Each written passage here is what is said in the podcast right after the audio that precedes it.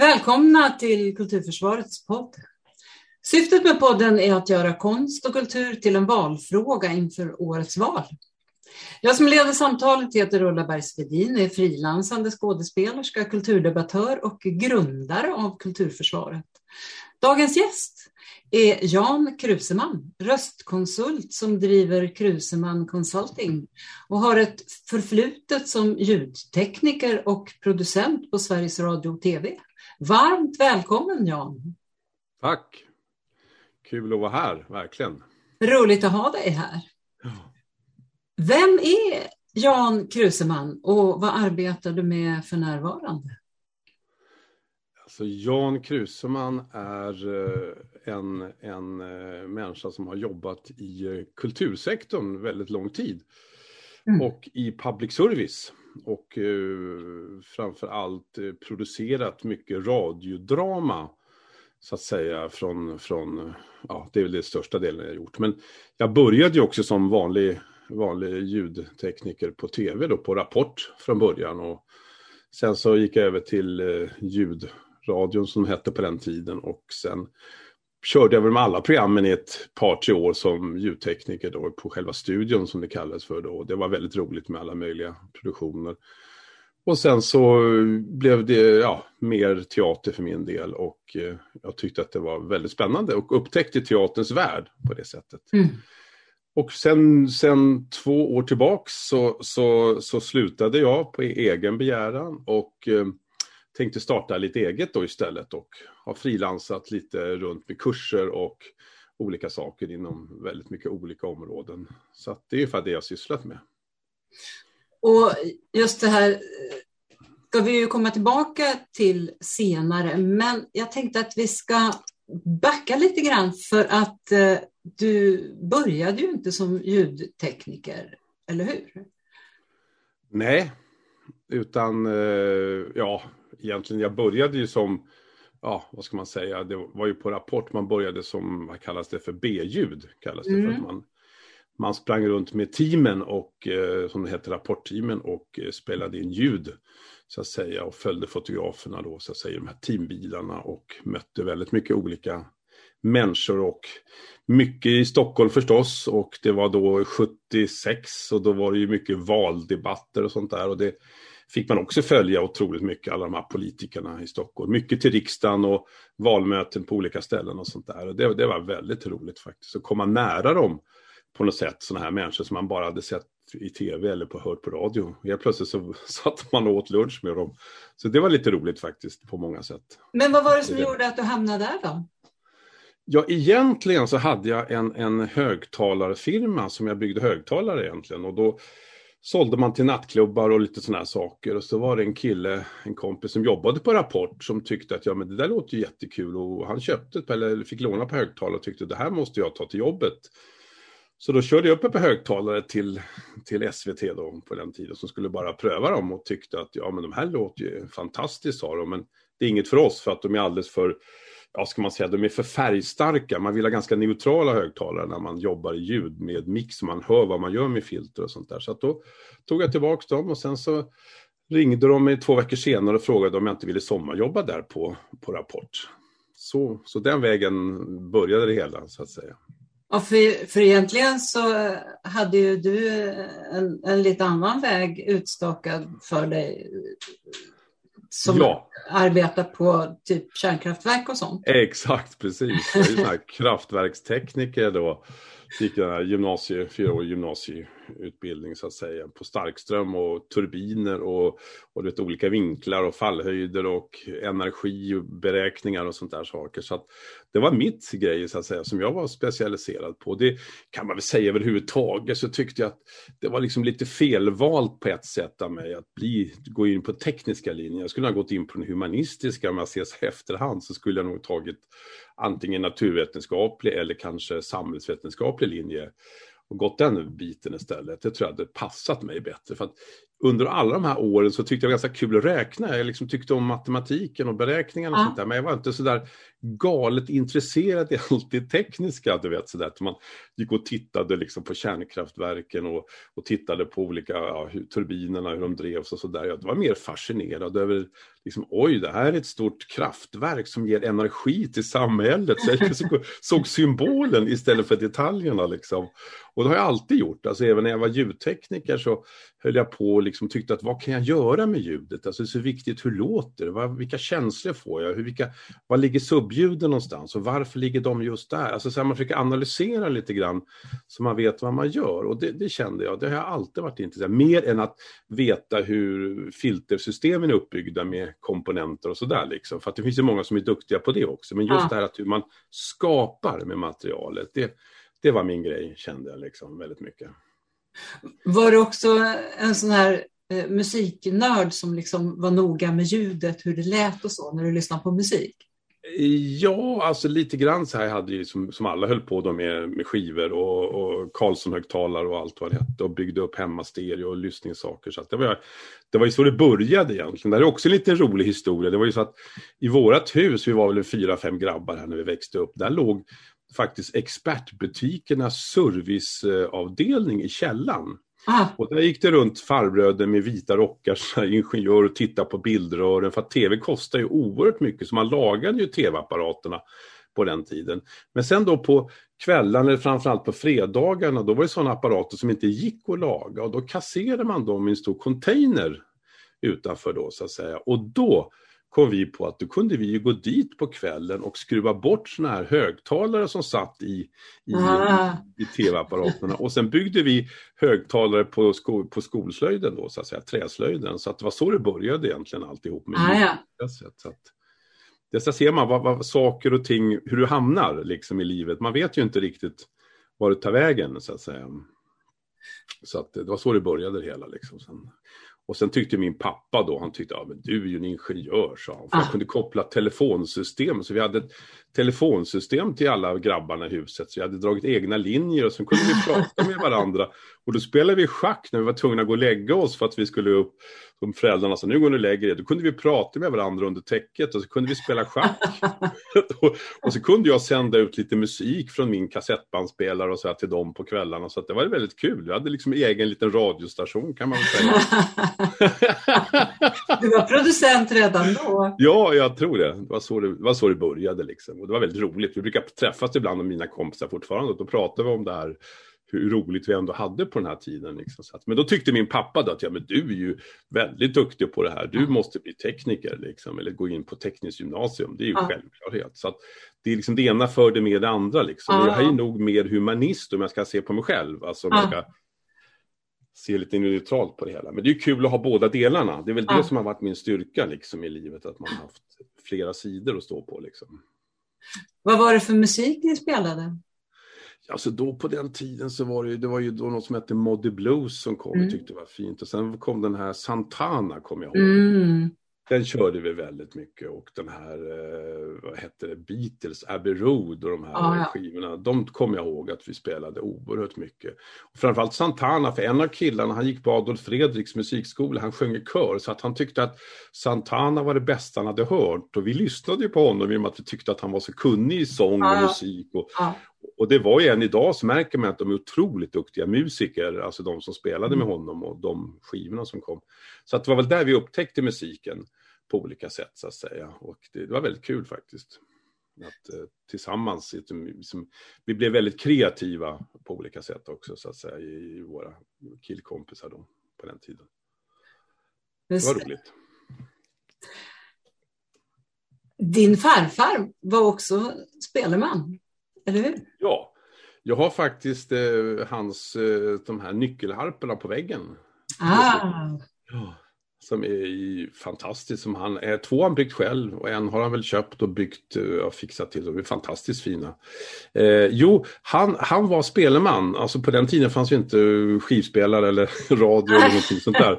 Kanske kan det ha varit på slutet på 1800-talet eller ja, början på 1900-talet. Så att han var speleman och eh, spelade för de andra och ordnade danser och sånt där ute i skogen på den tiden för vanliga arbetare så att säga. Och tyckte att, för han själv var ju en vanlig arbetare, han jobbade i smedjan och, och sådär, liksom ganska hårda tider på olika sätt.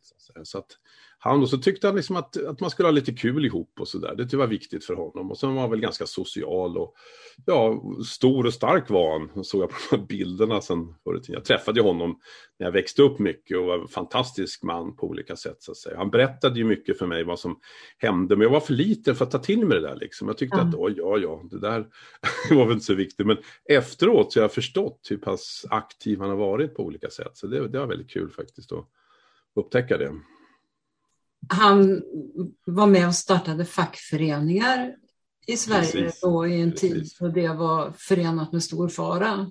Oh ja, oh ja. Det var ju, han berättade, det var ju nästan slagsmål vid fabriksportarna och det var avtal som skulle igenom och farfar var ju en av de ledande i det här liksom och tyckte att det här var ju otroligt viktigt. Man kan inte köra slut på folk hur som helst utan och det var ju fruktansvärda arbetsmiljöer på den tiden. Alltså det fanns liksom inga begränsningar alls utan han verkligen slogs för de här grundläggande kraven då på 1900-talets början och stod på barrikaderna. Han sa att polisen kom och han blev fängslad, han blev släppt och ja, du vet allting. Men han hade aldrig något våld utan han stod alltid emot utan att liksom slåss tillbaks. Liksom. Men han sa att det var viktigt att vinna de här kamperna och då då var det ganska kul att han växte upp i Lövsta, alltså uppe i norra Uppland så att säga. Mm. Och i grannhuset så, så växte Gunnar Sträng upp.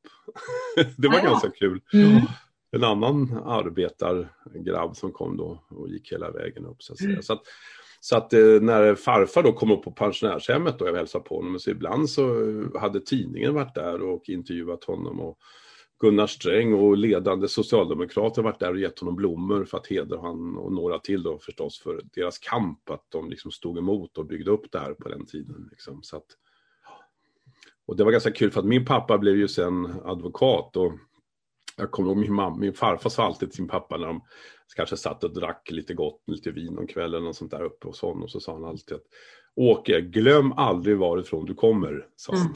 Mm. och det sa pappa, nej det kommer jag aldrig göra. Så att han var nog socialdemokrat han också, min far. Men som sagt att farfar var ju väldigt tongivande då på olika sätt. Och det var så kul för hela bygden kände ju till honom. Det var lite roligt. Jag har varit uppe faktiskt nu några gånger och åkt omkring sådär, mött någon äldre man och så frågar han, vem är du? Ja, det är jag, Ludvig Karlssons son, säger jag. Ja, Ludvig Karlsson, ja han känner jag till. det tycker jag är lite roligt att, att, det, liksom, att det finns än idag. Så ja. Måste, Det är ett fint arv. Ja, det är faktiskt, faktiskt jättefint tycker jag på många vis. Och det var en väldigt fin man på olika sätt tycker jag. En sån här rättvise och mm. ärlig person på alla sätt. Och snäll, otroligt snäll. Mm. Och spelman. Björnman, ja. ja. Ja, exakt. Och apropå det, varför anser du att det är viktigt att föra in konst och kultur i debatten inför valet i september? Alltså jag tycker ju att liksom kulturen, det är som liksom blodomloppet i vårt samhälle. Alltså det är så otroligt viktigt för hela vårt samhällsbygge att man inte bara är så där konkret och pratar om pengar och hur många dagisplatser och sjukhus, utan jag tycker ju att kulturen, alltså det är den som berikar och ger näring och ger oss tankar och liksom att vi finns med. Fanns inte den så skulle vi liksom på något vis dö på något sätt. Liksom. Jag tycker det är så otroligt viktigt att man, att man utvecklar vårt folk och liksom bygger vår framtid och det är ju kulturen som ska göra det. Och där vi ifrågasätter, och det är också tycker jag är demokratiskt, vi kan ju lufta olika saker, man kan göra komedier, man kan göra allvarliga pjäser och allting. Och det är viktigt att vi luftar det här liksom på olika sätt så att folk får olika bilder av vad som händer. Och då tycker jag kulturen och, och, och vår, ja, är otroligt viktig i samhället. Och därför ska den långt fram tycker jag. Alltså den ska verkligen eh, inte stå sist i kön så att säga. Sen kan jag förstå många som pratar om att ja, men vi måste ju ha sjukvård och sånt först. Ja, men alltså kulturen får icke glömmas. Icke. Utan den ska stå väldigt långt fram. Och det hoppas jag att det blir det i september. Att vi ställer våra olika partier till svars. Vad har ni för tankar och hur vill ni satsa på kulturen i framåt? Hur kommer kulturen kunna bli bättre? Och där vet jag, du vet, jag tror att du och jag har nämnt det förut också när vi har pratat, att jag tycker att de här all teaterverksamhet som finns i Sverige. Alltså framförallt de här fria grupperna har så minimala förutsättningar. De sliter, jobbar dygnet runt och de har låga löner och de verkligen är hjältar och hjältinnor på olika sätt när de håller på. Där skulle man verkligen vilja stödja dem, tycker jag, i, i, i, på, på många sätt, så att säga. Så att vi får en, en teater som gror underifrån. Det skulle vara fantastiskt bra, tycker jag. Det är bara att hålla med. Ja, så det är så mina tankar går, så att säga. Så att säga, vi, vi ja, mm. så att... Eh, det finns ju mer att säga om det här, men vi kanske återkommer till det senare också. Det gör vi. Ja. Du var ju inne på det förut att du arbetade på Rapport. Och ja. då vet jag att också ni satt och fikade tillsammans med gästerna. Och du har ju fikat med alla de här politikerna från 70, 80, 90-talet. Ja, ja. Hur var det? Jag vet att du har en hel del historier om det. Alltså jag kan säga så här att, att 76 när, när, när man kom in där, skrev att, att på Rapport så skulle vi då börja med förbereda för förstås eh, valet och allting sådär. Och då kom jag, då låg ju Rapport nere i tv-huset då förstås, det gör det fortfarande men på ett annat ställe. Och när, vi, när man gick fram och tillbaks där så fanns de här stora Europas största studielokaler där nere, Studie 1 och Studie 2 på tv-huset. Och och just där nere, kommer jag ihåg, då höll ABBA på och öva och spela in sina filmer. De här Dancing Queen-filmerna, så tänkte man, oj, där är ABBA, det hade man ju bara hört talas om, liksom. inte för att det var så märkvärdigt. Men då kunde man sitta och se dem på lunchen och sitta och äta. Så, så att helt plötsligt hade man de stora stjärnorna där och sen hade man då politikerna då när man åkte ut då liksom på, på uppdrag och sånt. Så hände ju ibland att man innan kanske intervjuer och sånt satt och åt och fika ihop någonstans. Och där satt ju då Palme och och Feldin och Boman och Hermansson, alla de här liksom. Och det var ju fantastiskt eh, verkligen eh, att få möta de här och se dem privat. Hur, ja. hur, hur, ändå, hur trevliga och de var på olika sätt, så att säga. När man visste att de var ganska tuffa i debatter och sånt. Så helt plötsligt så fick man en annan bild av dem, så att säga. Så att Palme kom ju ofta in på Rapport och han var ganska ofta med också i olika sammanhang. Och, då fick han oftast, liksom, han rökte ju på den tiden och det kanske han gjorde hela tiden, men då kom han alltid in till våra teamrum då och satt där och blossade. och, liksom, och då blev det också så här, tjena hur har ni det nu då? Har ni mycket att göra? Vilka har ni intervjuat nu då? Vad sa han då liksom? Åh herregud och så där. Så att vi kunde skratta med honom, han var väldigt trevlig faktiskt på, på olika sätt. Så att, eh, så det var många samtal som vi fick med honom. Sen kom ju också andra människor som jobbade ju de här, du vet de här skjutjournalisterna också, du vet O-grupperna då. No. Orup, ja just Orup, Ortsmark och vad hette den sista? Orup, Olivikrona. Ja, just det. Ja, och de var ju väldigt tunga. De var ju liksom, men de jobbar ju på Aktuellt, så de var ju liksom våra ja. motståndare. Så det var ganska liksom hårt mellan Rapport och Aktuellt. Det var ganska tufft att vi liksom fick inte ta varandras nyheter. Alla hade egna team, så vi kunde skicka ut först till riksdagshuset, sen en kvart senare kommer då Aktuellts team och ställer samma frågor. Liksom. Så man delade inte då på liksom, filmmaterial, utan alla hade sina egna rapporter. Det var väldigt viktigt på den tiden, i och med att vi, vi var ju som public service, liksom, så skulle man ha två nyhetsavdelningar för att man mm. inte skulle kunna styra nyheterna och hålla på. Man, det var väldigt viktigt att det var två vattentäta skott mellan de här nyhetsavdelningarna. Med Rapport var äldre människor, lite mer analyserande. Rapport var vi yngre på, liksom, så att säga. Så det var liksom olika inriktningar mellan Rapport och Aktuellt faktiskt på den tiden. Och sen hade vi film, det var också lite speciellt. Så att vi fick åka ner till filmlabbet och köra med som snabb nyhetslabbet, såna, liksom framkalla filmerna hela tiden så att ah, säga.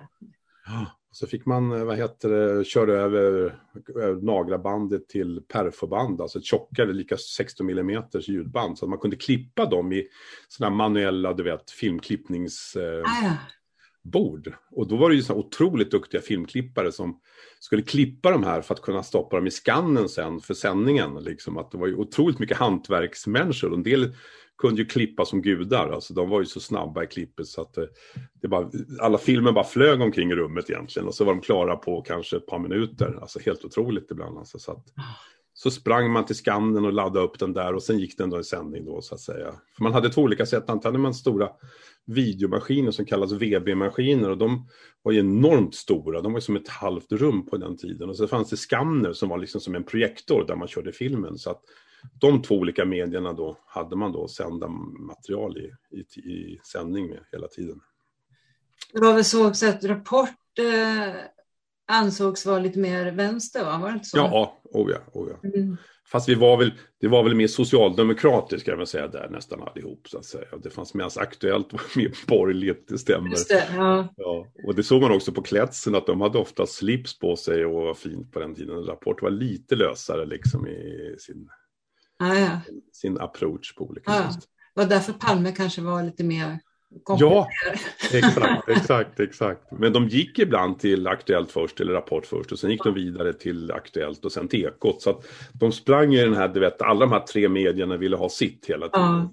Så att, uh... Men du var, var ute på något, någon reportageresa eller vad var det, uppdrag med Palme också eller följde med i valrörelsen? Eller? Ja, exakt. Vi var på ett valmöte med honom och då var det så fantastiskt. Jag kommer så väl ihåg, han, det var en läkare som ställde sig upp så att nu får det vara nog, sa han. När jag ska tapetsera om mitt, min villa, sa han, så får jag, ska jag ta dit en hantverkare så kostar det ett antal tusen och, och då har inte jag råd med det. Det är för dyrt helt enkelt. Det räcker inte till. Så jag måste helt enkelt ta och tapetsera själv, sa han. Och då så och då så sa han för att, då ska ni veta en sak, sa läkaren. Alltså dels så tar jag jobb från hantverkaren och så nummer två, de som behöver min tjänst som läkare missar den. Och då tittar Palme på honom länge och säger, det är nog ganska nyttigt för dig att tapetsera om ditt hus, och göra det själv, då kan du lära dig mycket på det också, sa han. Och sen skrattade alla. Så han var väldigt liksom sådär, ja, han hade alltid svar liksom på det, så att säga. Ja. Nej, men det var trevligt också. Och som sagt, han, jag tyckte han var väldigt, alltså, han var, många sätt han var tuff och hård, men det var en väldigt trevlig och snäll människa på många sätt, så att säga, tyckte jag faktiskt. Men tror du att det skulle hända idag, det här liksom att, att det kommer in eh, den nivån på politiker och sitter och fika med nej. tekniska personalen och så innan nej, nej, nej, det tror jag inte. Det har blivit mycket hårdare. Jag började ju 76, 77 där och då hade ju det här med västtyska ambassaden hänt precis och det låg ja. ju precis granne med oss där på, på, på, på tv då. Så att då började ju säkerhetsåtgärderna direkt så att säga med extra vakter i, du vet, mot terroristangrepp. Och man hade till och med idéer om att man skulle stoppa luftlandsättningar från terrorister med helikoptrar och sådana där saker liksom, så att man börjar bygga ut. Och just valvakan 76, då började vi med de här säkerhetszonerna för första gången. För mm. innan så berättade de, nu kunde man ju gå som man ville fram och tillbaka. Nu fick man vissa som fick vara den innersta cirkeln och de andra yttre, och, eller den liksom fanns tre olika nivåer på det hela, det stod vakter mellan varje liksom nivå så att man inte skulle komma liksom fram till och förstöra tv-sändningen då framför allt på något sätt. Mm. Det var väl så man tänkte. Det var inte så mycket kanske för att skydda individer men att man inte ska sabotera på något vis eller föra fram sin politiska ja, Ja, det är klart. Ja, visst. Ja, så att på det sättet var det. Men som sagt, alltså, det, jag tror att det där skulle man, alltså det, det, var ju mycket enklare och naturligare och sen ville ju folk oftast uppträda i tv, i alla fall politikerna var väldigt noga med det, att det var viktigt att föra ut budskapet och det fanns ju bara tv, SVT eller Sveriges Radio då, som både bestod av tv och radio samtidigt då. Så. Ja. Så att, men som sagt, det var, det var väldigt ett, sätt, ett, ett, ett avslappnat sätt att umgås, så att säga. Och likadant, jag hade något telefonväkteri med Gösta Bo, eller med um, Carl Bildt då, som var ganska ny på den tiden. Han kom springande och var väldigt upprörd och vi tänkte herregud, är det krig? Ja, vi har förlorat, vi har förlorat, skrek han. Och alla, men herregud, vad har hänt? Berätta. Vi har förlorat OS-omröstningen. Östersund får inte OS. Det var det han var så upprörd över. Så det kommer jag ihåg också på olika sätt. Den där eviga frågan, ska vi få ja. OS? Ja, precis, precis, precis. Och nu får vi nog inte OS längre, tror jag. Det är skönt att vi slipper det där. det kostar tror jag, väldigt mycket pengar om man ska vara riktigt ärlig. Otroligt mycket. Ja, ja, ja. Det, det, kanske kan, det, kanske vi kan, använda till kulturen istället. Det, det tycker, jag, det, tycker jag, för det, de pengarna skulle behövas. Ja, precis, verkligen. verkligen. Det, sker ju då och då lite omorganisationer och när lokalradion kom Då ja. gick du över till att arbeta på radio och redan då så gjorde du allt själv från ax till limpa. Berätta hur det gick till där och vilka program du arbetade med. Ja, alltså 77, första juni eller om det var första maj så skulle lokalradion starta i Sverige.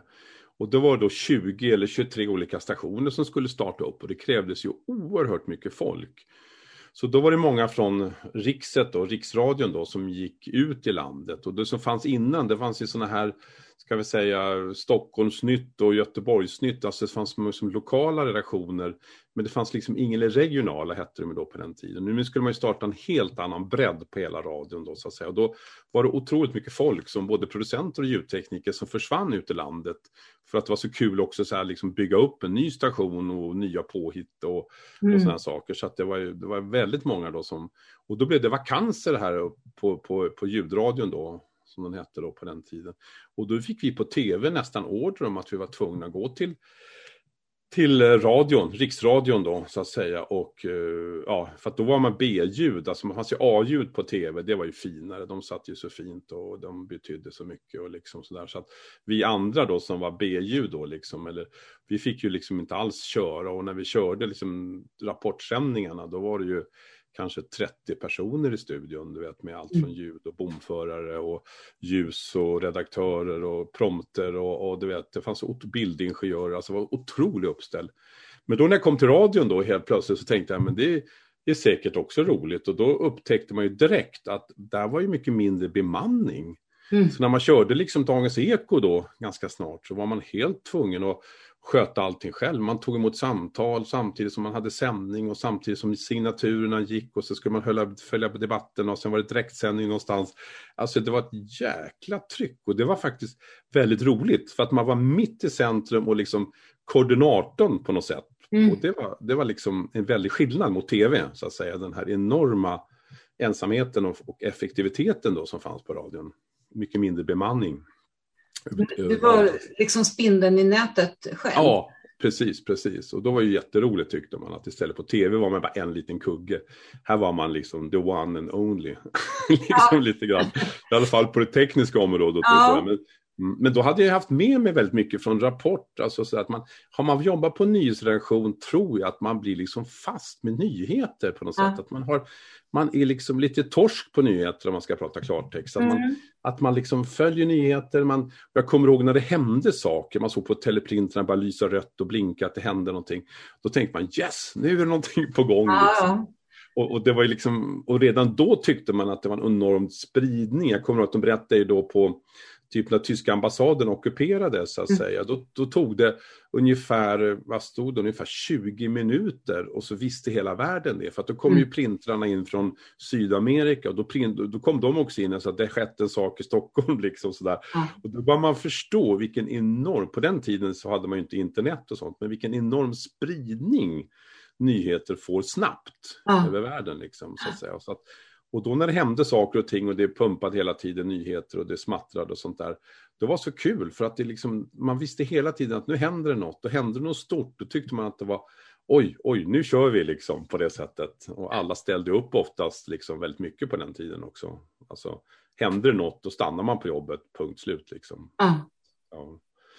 Men som sagt, alltså det, ja, det var en väldig skillnad mellan att jobba på tv och jobba på radio, det måste jag säga.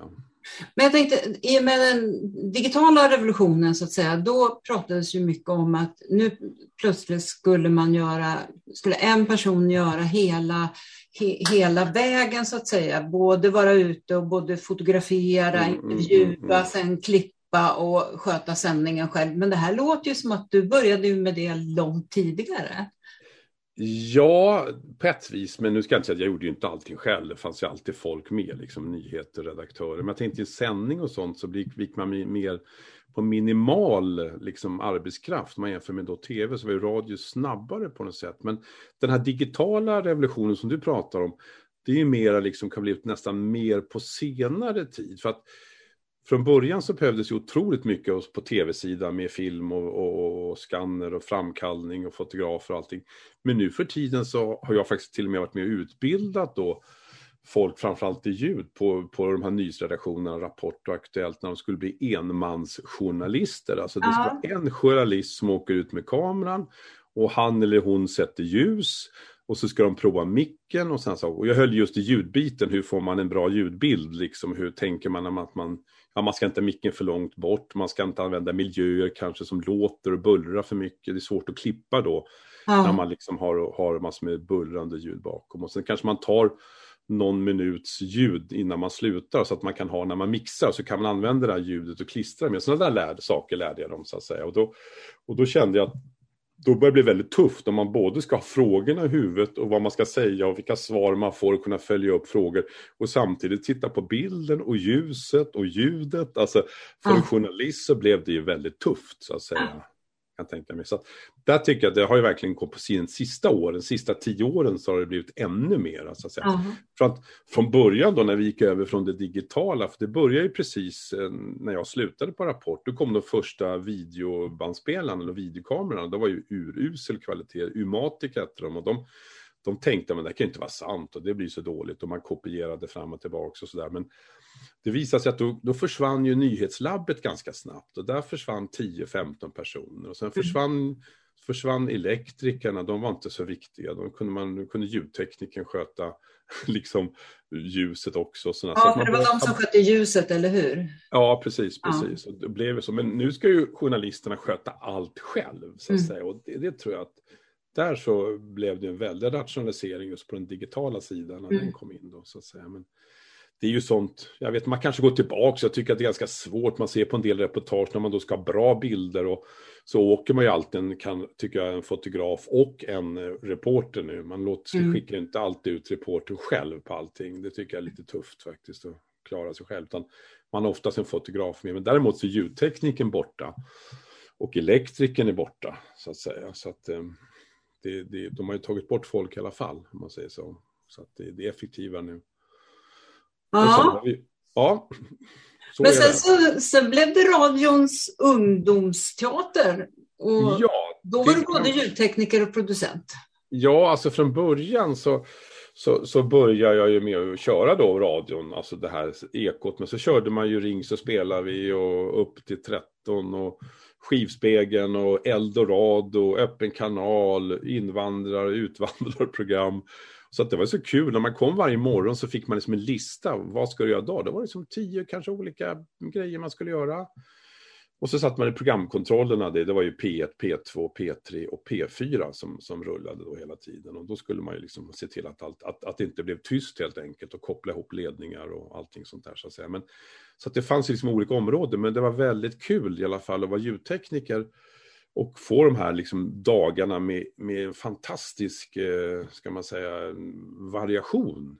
Alltså man fick ju lära sig, man blev väldigt allmänbildad, allt från klassisk musik till debatter i P1 och allting så att säga. Men då började ju då radiodramat, alltså radioteatern som hette på den tiden, de hade lite ont om, om folk, om tekniker då, så att då ville man ju nästan att vi skulle gå ner och på den tiden så tyckte man väl kanske att musiktekniker var liksom lite finare så att teatertekniker, också specialtekniker, men det var inte lika fint så att vi var lite så här motsträviga då, men så gick vi ner då ett par stycken då så att säga och då helt plötsligt så tyckte jag det var fantastiskt roligt att jobba med teater och sådär. Man spelade in och fick hålla på längre med produktionen. Istället för att hålla på bara några timmar så fick man ju hålla på i flera veckor och mixa och spela in och, och sådär. Och, och träffa också väldigt intressanta människor, skådespelare då allihop. Och sen fick man ju då börja med ja, komma på idéer och lösa olika problem. Och så hade man inspicient med sig då som jobbade fantastiskt bra med, alltså gjorde många effekter live så att säga i studion med vindmaskiner och, och liksom koppar och... Åskplåtar och sånt. Åskplåtar, precis allt det där gjordes live på något sätt och det var ju också ett väldigt fantastiskt hantverk som de här killarna och tjejerna gjorde. Fantastiskt jobb för oss på olika sätt. Så att, på det sättet. Men då började jag tycka att det var ganska kul så att säga med, med det här liksom. Och sen var jag liksom, jag var bland de yngsta där, jag var väl nog yngst tror jag när jag började liksom. Och då skulle man då starta upp den här P3-teatern och då var det en, en som hette Barbro Schultz. Alltså Irma och Iddes mamma egentligen som jobbade som producent på P3-teatern. Och hon, ja, vi gjorde väl några produktioner ihop och sen så slutade hon på radion. Hon flyttade till Paris istället. Och då beslöt man att producenttjänsten skulle läggas eller delas med en tekniker och då fick jag frågan om jag ville ta den tjänsten så att säga. Och det tyckte jag var fantastiskt roligt och bra.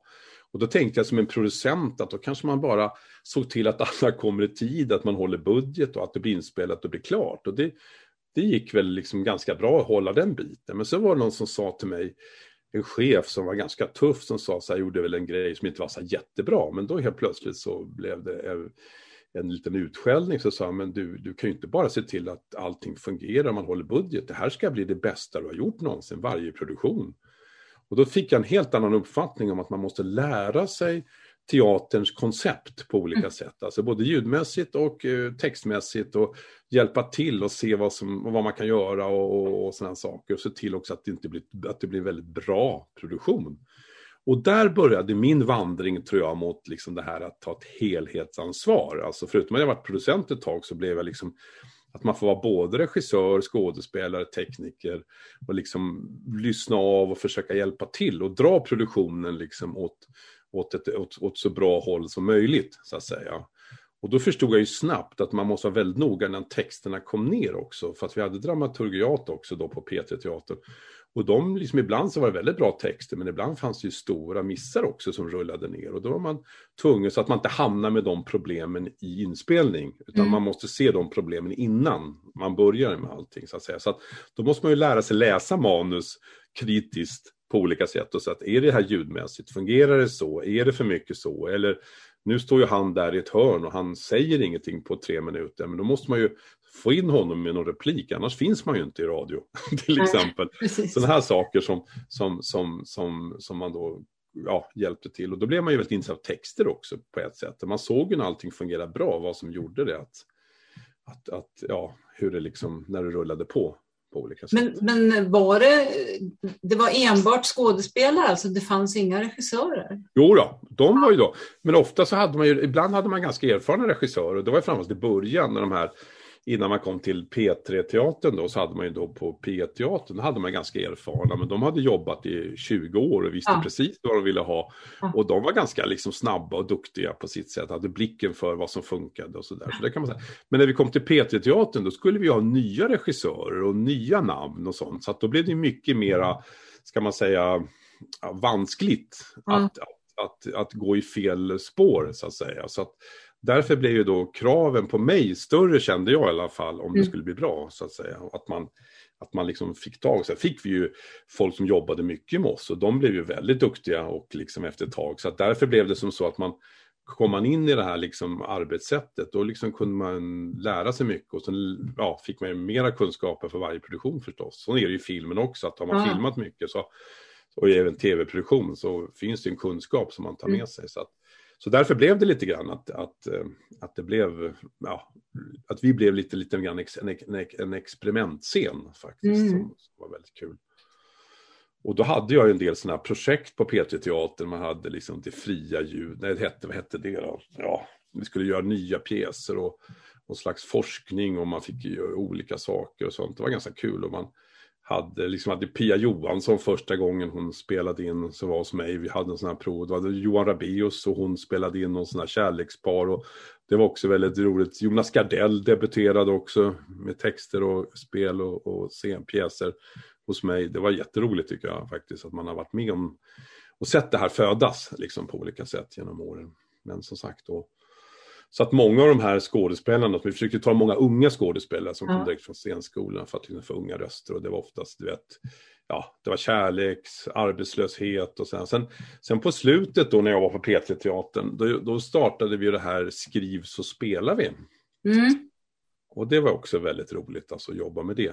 Lite, att det var ju väldigt mycket och då skickade ju folk in sina egna pjäser och då var det då ja, bland Hasse Ernback då som, som, eh, som var både dramaturg och regissör oftast och liksom fick till det där. Liksom. Så att eh, det var också lite speciellt. Alltså. Det var fortsättning på P3-teatern. Men då hade vi ju då börjat med den andra delen av P3-teatern. Det var den här sommarlovsteatern. Alltså den som, den som gick på somrarna för, för familjeteatern kan man säga. Vi hade ju enorma lyssnarsiffror på den. Och det var ju då jag och så var det Björn Kollarp och eh, Eva Stenman. Vi var ju som de jobbade. Så var det Roger Olsson också som, som var inspicient. Vi gjorde ju så år efter år och producerade ju massor med fantastiska produktioner. Och på den tiden så mätte man ju då liksom vilken lyssnarskara vi hade och då rullade vi ut även i tv-ljudet på morgnarna för vi sände då innan, för det fanns ingen nyhetsmorgon på den tiden utan det hette Sommarmorgonen, började klockan nio. Och då hade vi både tv och så rullade vi P1 och P3 samtidigt så att det blev ju, vi hade uppåt mellan 3 och 4 miljoner lyssnare ja. på den tiden. Alltså det var otroliga siffror. Alltså, kan ha varit 85, 87, 88 där någonstans. Och Torliven ja. flyger i skymningen och de här klassikerna. Liksom. Som har gått i repris också. Ja, då. Oh, ja, oh, ja. ja. Nej, men det var fantastiskt roligt faktiskt på den tiden. Och, och det, blev, och det visade sig också att när vi gjorde de här mätningarna så blev de här programdirektörerna då, eller programcheferna då för olika kanalerna, de blev jätteintresserade av oss helt plötsligt. För att vi, vi var sådana här trattar in, för att när man satte på P1 då vad heter det, så, så fick man det här och då låg man kvar i P1 ett tag. Alltså förstår du? Man, liksom förstår, man, man kallar det för... Ja, ja, ja visst, ja, det är klart. Man fick in lyssnare och där vet jag en tjej som var med oss som jobbade på Göteborg faktiskt, på Östra sjukhuset tror jag var där. Hon berättade att hon var med i den här, vad tror jag var Godnatt Mr Tom faktiskt. Och det visade sig att när hon gick ut på en kafferast där på morgonen, kanske kvart i nio och lyssnade på det, då stod hon i kafferummet och då såg hon på parkeringen hur många hennes arbetskamrater liksom kom med bilarna och cyklarna, eller bilarna framför allt. Och då satt de kvar nämligen, så när de hörde av, de hörde av annonsen i, i, i radion i kafferummet då, då klev de ur bilarna. Sen ja, ja, ja. kafferast efter ett tag så här. För jag frågade, lyssnar ni på den här Godnatt Mr Tom? Och då, jo, ja, jo, det erkände vi allihop. Liksom då. Och det är så intressant det där att man, man delar inte en upplevelse som man upplever på insidan. Alltså, förstår du? Det var ju så spännande till slut det där så att det gick ju inte ens att, att sluta lyssna. Så att, Det är som en bok också, man läser en bok och bygger upp en egen bild ja. och då är det svårt att förmedla den. Men ser man en film då kan man ju byta, jag såg den där ja. filmen, det var spännande där och där. Men just en, en, en bok och en, ett radiodrama, det påminner mycket om varandra och därför blir det så egentligen så starka intryck när man, när man, när man hör på något eller man läser något. Man kan, jag har ju vissa böcker som jag kommer ihåg 20 år efteråt, precis vad det handlar om. Liksom. Medan en film ibland kan man sitta och titta på och helt plötsligt har man sett filmen och upptäcker man efter en timme att det är något bekant. Det här har ju sett förut. Liksom. Ja, jo, precis. Och det, med, det handlar om det intrycket, det impact som, som, som saker gör. Liksom. Ja. Och det är likadant, det är det som också är så fack när man går på teater. Då ser man ju folk, alltså det blir så stark upplevelse. Det är mörkt i salongen, man tittar på scenen, man upplever det som sägs och ser människorna i verkligheten. Alltså det blir ja. mycket, mycket, mycket starkare känsla som, som, som är otroligt viktig. Så att säga. Jo, man får ju någon slags gemensam andning sådär. Ja, och en upplevelse tillsammans med kollektiv i den ja. salongen. Precis. Så man säger, åh vad kul, nu har vi upplevt det här ihop, tänker man liksom. Och vi är liksom lite unika. så får man känsla av ibland. Att, ja, det är, det är sant faktiskt. Att det, det, det är en speciell känsla faktiskt. Du, jag tänkte att vi skulle prata lite om det du har i din nuvarande verksamhet. Du Japp. har ju en, eh, en diger lista på kurser. Ja. Det är röst, det är mikrofon, det är mix, det är göra radiodrama, historieberättande storytelling, filmdubbning, dramaturgi och text. Och alla det här är kurser med inspelning framför kamera och eller bara mikrofon, två till fem kursdagar. Berätta lite om vad de innehåller och vilka det är som du gör de här kurserna för. Ja, jag skulle väl lägga till skrivandet också. Ja, ja. det, låter, det, låter... Det, det, står, det står inte på Nej, jag bara skojar. Det var bara skämt. Det låter så ambitiöst allt det här liksom, på något vis. Men, men, men, men om man säger man tar liksom att, att, att om man tar det från början så, så kan man väl säga att det, om man börjar med tekniska, Uh-huh. Så, så tänkte att jag ändå gjort 800 pjäser, alltså uh-huh. på radio framför allt. Och sen har jag jobbat på olika ställen också, teatrar och olika privata också. Men, men alltså, så det finns en enorm erfarenhet och det är det jag känner att, att eh, med, med till exempel då mickkunskap och sådana saker, att jag vet ju precis hur det funkar. Och jag har haft många kurser i det här och forskat i det här liksom, och man har kommit fram till olika ja, analyser och sånt där. Och det, och det här vill man ju då liksom dela med sig Mm. Förstår du? Och, och då känner jag liksom att, eh, ja, att, att det är så viktigt det här att folk får den här kunskapen och även alltså framförallt skådespelare från teaterhögskolan. Alltså jag hade ett projekt som hette Världshistorien, som du åkte med, som du var med också i. Ja. Där åkte vi runt till 25 stycken länsteatrar. Och och, och, där upptäckte jag verkligen, alltså jag fick ju möta hela Sveriges alltså, teater och, och, många var ju mina elever och sånt där också. Men de, de, de, de, det var ju många som inte hade erfarenhet, och många äldre också, som aldrig jobbat med radiodrama. Att de visste inte alls hur det skulle gå liksom. Och, och man kände någonstans att de, att de hade inte någon de var väldigt osäkra. De flackade med blicken och de betalade halvhögt hela tiden. De visste inte om de skulle betala lägre eller högre. De var från scenen och sådär. Så att och vissa klarade sig hyfsat så här, men, men eh, eh, de flesta som inte hade det här kände man ju direkt att deras, deras, mycket av deras koncentration och fokus, det var ju liksom hur gör jag nu? Istället för att liksom koncentrera sig på rollen och på, på, på texten och det som händer i själva liksom i situationen så blev det mer så här, vad är det här för media, hur gör jag nu? Mm. Och då kände jag att de som hade det, det var ju en del som jag som har jobbat lite då, liksom, kanske lite teatersammanhang, radiodrama och några, många elever då som jag hade haft också. Och där kände man ju direkt att de här är med i matchen. De vet precis hur de ska göra. De rör sig rätt, de har rätt ljudtryck, de, de pratar åt rätt håll, de vet liksom hur de ska rikta sig och sådana här saker. Och, och, och, det tyckte jag, liksom, då fick jag liksom idén att jag såg verkligen hur viktigt det var att kunna det här liksom, på, på olika sätt. Och, och det, där, och det skiljer ju mycket från scenen, det får man inte glömma bort. Det krävs ju ingen kraft, alltså ju mer man skriker egentligen i, i, i, i, i när man gör ett radiodrama, desto mindre blir man, för då sänker man ju nivån på micken. Liksom. Mm. Eller, ju närmare man går, desto mer man tar ner rösten, desto hotfullare blir man ju. Så måste man också göra väldigt noga när man riktar sig, alltså vad man tänker och vem jag pratar med och, och vilken aggression. Alltså man måste bena upp sin struktur, alltså i manuset, väldigt noga. Det är inte bara liksom att prata på. För att på, på, på, liksom, på scen, där kan man ju då klara sig lite mer med rörelser, att man stampar i golvet och sådär. Men här måste man kanske känna aggressionen inifrån för att kunna få liksom att bränna till riktigt då i, i radiodramas på olika sätt. Men som sagt, alltså det, det, var väl där jag började med hela. Sen så, så kan man ju säga att, man, att, att det krävs ju väldigt små kunskaper liksom egentligen för att behärska de här kunskaperna. Men har man aldrig fått dem så, så, så, så, så ja, så är det väldigt svårt. Alltså. Vet man grunderna så kan man komma så otroligt mycket längre av det här. Liksom. Och då typ som du sa, filmdubbing, det är ju liksom, det är också ett väldigt efterfrågat moment som jag tagit upp de sista kanske fem åren här. Och det är väldigt roligt att pröva allt från tecknat, japanskt, tyska ungdomsserier, naturprogram. Och det, det, det är svårt att, att, träna på det någonstans. Så att därför har det blivit väldigt bra när man är på scenskolan och sånt, att man får pröva på det här, att känna på hur känns det att, att dubba på riktigt så att säga.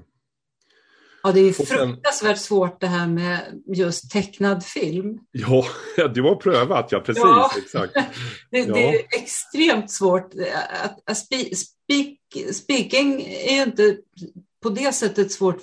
Det, det, det handlar ju mer om, tänker jag, eh, tyckte jag, liksom att, att, att man tar det om och om igen tills man liksom har förstått gången i filmen man ska spika. Liksom. Ja, ja, precis. Det är vanligt, vanligt skådespeleriarbete, men att dubba, herregud, alltså vad man känner sig som en idiot helt enkelt. Ja, exakt, exakt. Men det är ju en teknik i sig, alltså. Ja, när, man väl, när man väl kommer på det, hur man ska ja. göra, så, så är det ju liksom på något sätt, liksom, det finns ju mycket då kan man slappna av lite och, och, ja. och liksom, istället för att hamna i en paniksituation. Liksom. Ja. Så därför tycker jag är väldigt kul. Jag tycker det är väldigt roligt att köra de här dubbingstexterna för att det, många tycker att det är inte så svårt, men det är väldigt svårt för att ja. man ska både prata och så ska man titta på bilden samtidigt liksom, så att man får aggressionen och arg, liksom stönet att ligga liksom någorlunda rätt och sådana saker.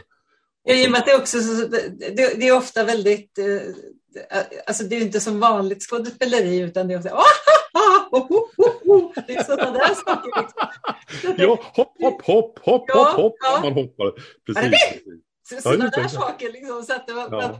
det, det, jag kan tänka mig att det är väldigt roligt om man väl kan, som du säger, slappna av och bara leka. Ja, ja, och, och, ja. Det tar väl ett tag innan man kommer oftast är det ju väldigt kul när man, när man, när man lär sig de här, liksom, att det är ju så, det är ju så, så mycket annat, att om man gör det några gånger så vet man ganska snabbt vad man ska hitta för typer och hur det ska låta. Och ja. sånt så att då, sen hitta sina ljud inom sig också, du vet alla ljud man ska göra. Det står ju ja. inte alltid i manus, utan Helt plötsligt ska man hopp, hopp, hopp, hopp, ja. gå i en trappa.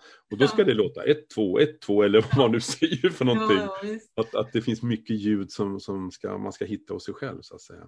Så att säga, men, så att det, det, är faktiskt ganska roligt. Och du vet ju själv naturprogram, det är också, där ska man då inte ligga för mycket och färga, där ska man ligga lite neutralt och vara lite saklig och helst ligga liksom lite innan. Man får inte ligga efter. Ja, liksom. det, det, kan precis. man också göra. Men att det, det där är också liksom här kommer lite en rätt. elefant. Oj då. den har redan gått. ja, just det. Exakt. Där gick den för tre sekunder sedan. Liksom. Ja, precis. Och Men det här där med text... är du som producent just en, eh, något att hålla i handen så att säga under ja, ett sånt precis. arbete. Och framför allt att man får övas utan att det ska liksom att man ska göra och leverera. Att den här är ju bra om vi gör fel, för då kan vi göra om det. Liksom. För mm. att man hela tiden får ett sätt att man hittar någon slags grundkänsla, så här borde, borde man göra. Och då är det mycket lättare att börja sen när det blir allvar, så att säga. Mm det är ju också med storytelling också och sådana saker, man ska läsa texter och det vet ju själv att, mm. att, att, att, eh, det krävs, alltså alla är ju olika så att vi alla har ju vår egen stil så att säga och vi har olika smaker också. Så, men man kan också liksom, om man får träna mycket så kan man ju lyssna på sig själv och så kan man diskutera och så kan man pröva olika saker. Mm. Nu går jag för fort och nu betonar jag för mycket, nu betonar jag för lite, nu är det för mycket pauser, nu är det för lite flow, flow. Så att det, det är hela tiden, då kan man då pröva olika sätt att få till det här. Och, också att man hittar vissa betoningar och huvudord och sådana saker som man då vill lyfta liksom och sådär, så, att man, så att man blir lite erfaren. Och det är ju så att har man läst några böcker då har man ju liksom lite med sig och då kan man ju gå vidare med sig själv i bästa fall. Alltså. Men sam samtidigt är det bra att liksom få lite nya inputs och sådär. För jag kan ju höra, ibland när jag hör på tv eller något sånt där, så jag, det där var en fantastisk röst och gud vad bra hon eller han läste liksom. Och så kan jag tänka tvärtom, men det där gick ju för fort och herregud och liksom mm. den där var inte ens intresserad av texten. Alltså sådär, man känner liksom någonstans så.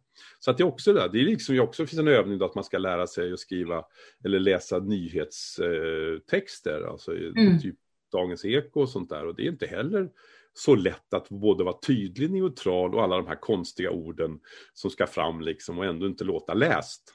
liksom det, eller hur? Så att det, det, är det som är egentligen hemligheten. Alltså att, och, att, man går, att man får pröva sina sinnen och göra fel. Det tycker jag är viktigt på sådana här kurser, att man, att man tillåter det så att säga.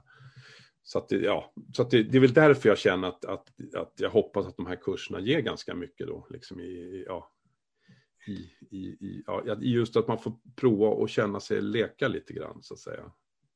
Men för du ger ju inte kurserna enbart för så att säga, professionella skådespelare och så, utan du ger dem ju även i andra sammanhang, eller hur? Ja, precis, precis. Jag har faktiskt varit på, alltså det är lite olika ställen man har varit på, men det finns ju, ja, ska jag säga, varit på typ Handelshögskolan och det har ju blivit så modernt att man ska podda nu mycket så att säga. Och, och man ska liksom, ja. Nej men just att i skolor och sånt också, att man har en lektion och, och, och på universitet, att man lägger ut en föreläsning på, mm. på hemsidan och sen de som har missat den kan ändå lyssna på den i efterhand så att mm. säga. Och därför har det blivit som ett komplement så att säga, med det här att man lägger ut poddar och då måste man ju de här otroligt duktiga lärarna som finns och de är ju säkert otroligt intelligenta och smarta. Men sen gäller det ju också att få den här texten som oftast är ganska svår, att få den förståelig. Att utan att man staplar massor med fakta och information på varandra, utan det gäller att få igång den. Och där gäller det ju också att, liksom att skissa upp en text på rätt sätt så att det inte blir för tungt. För då slutar man ju lyssna efter tre minuter så har man stängt av liksom öronen. Så att det gäller liksom att man snabbt kanske berätta vad hela föreläsningen handlar om. Alltså det här handlar om det och det. Och sen så, ja, och det, min mål är att ni ska kunna förstå hur man använder olika ja, nya tekniker på ett rätt sätt. Och sen börjar föreläsningen. Jag börjar från början nu och så berättar man. Att man liksom har först en ingång och sen så berättar man. Och det var ju väldigt kul att jobba med de här lärarna för att man märkte att de var väldigt duktiga i, i sin kunskap. Men sen gäller det att få ut det hela. Där fick man slita ganska hårt ibland för att det skulle, inte skulle bli tungt och entonigt, utan det gäller liksom att få nyanser så att säga. Så att eh, på det sättet, och det är mycket när man jobbar med skådespelare, de är ju underbara. De ju, lyssnar ju och kan ta till sig och förändra och pröva nytt och sådär på ett helt otroligt sätt. Så att det är skillnad på vilka man jobbar med också så att säga men som sagt, att det har varit väldigt kul faktiskt att pröva lite olika ställen och, och vara på. Sen har det liksom varit också några företag då, att det var någon sån här eh, årsredovisning som skulle presenteras, fick jag komma i två timmar. Så fick de läsa den för mig och sen fick jag berätta lite grann vad jag tycker att de borde trycka på och så att säga och berätta i helhet och starta sådär. Och det var väldigt faktiskt givande tycker jag. Det var en av de större företagen som jag jobbar på. Liksom. Så det, det, är lite roligt att man får lite, så här, lite specialjobb på olika sätt. Ja. dessutom har jag nu en, en, en, att jag ska åka ner till Grekland och vara på en musikhögskola i Thessaloniki där, där de ska vill att jag ska bedöma dramaturgin i musiken. Så att det, är också så spännande uppdrag man får. Alltså det har ju också lite grann med, med dramaturgi och teater att göra, så att säga. Att det inte är för entonigt, att det inte är för ja, hur man lägger. Och så ska vi lyssna på lite klassiska stycken och, och sådär. Så att då kommer man en föreläsning där nere. Så att det, det är faktiskt lite roligt att det blir lite, alltså att det är liksom lite olika saker man gör. Ja, det, det är väl lite speciellt va? Ja, Sen måste jag säga också, vi hade faktiskt ett, ett sånt där forskningsprojekt med ett bilföretag i Volvo, eller så här, i Göteborg ska jag säga, i Volvo då, som, som också hade sån här idé om, vilket är ganska intressant, att de har ju bara tänkt, nu när ska jag börja med självkörande fordon ganska snart, mm. så gäller det ju liksom att fylla ett innehåll. Alltså när man sitter där i bilen så kanske inte man alltid vill höra liksom en, en musik eller någonting, utan du menar på att då kanske man skulle vilja höra en annan typ av, av liksom en slags berikande information mm. eller analys. Mm.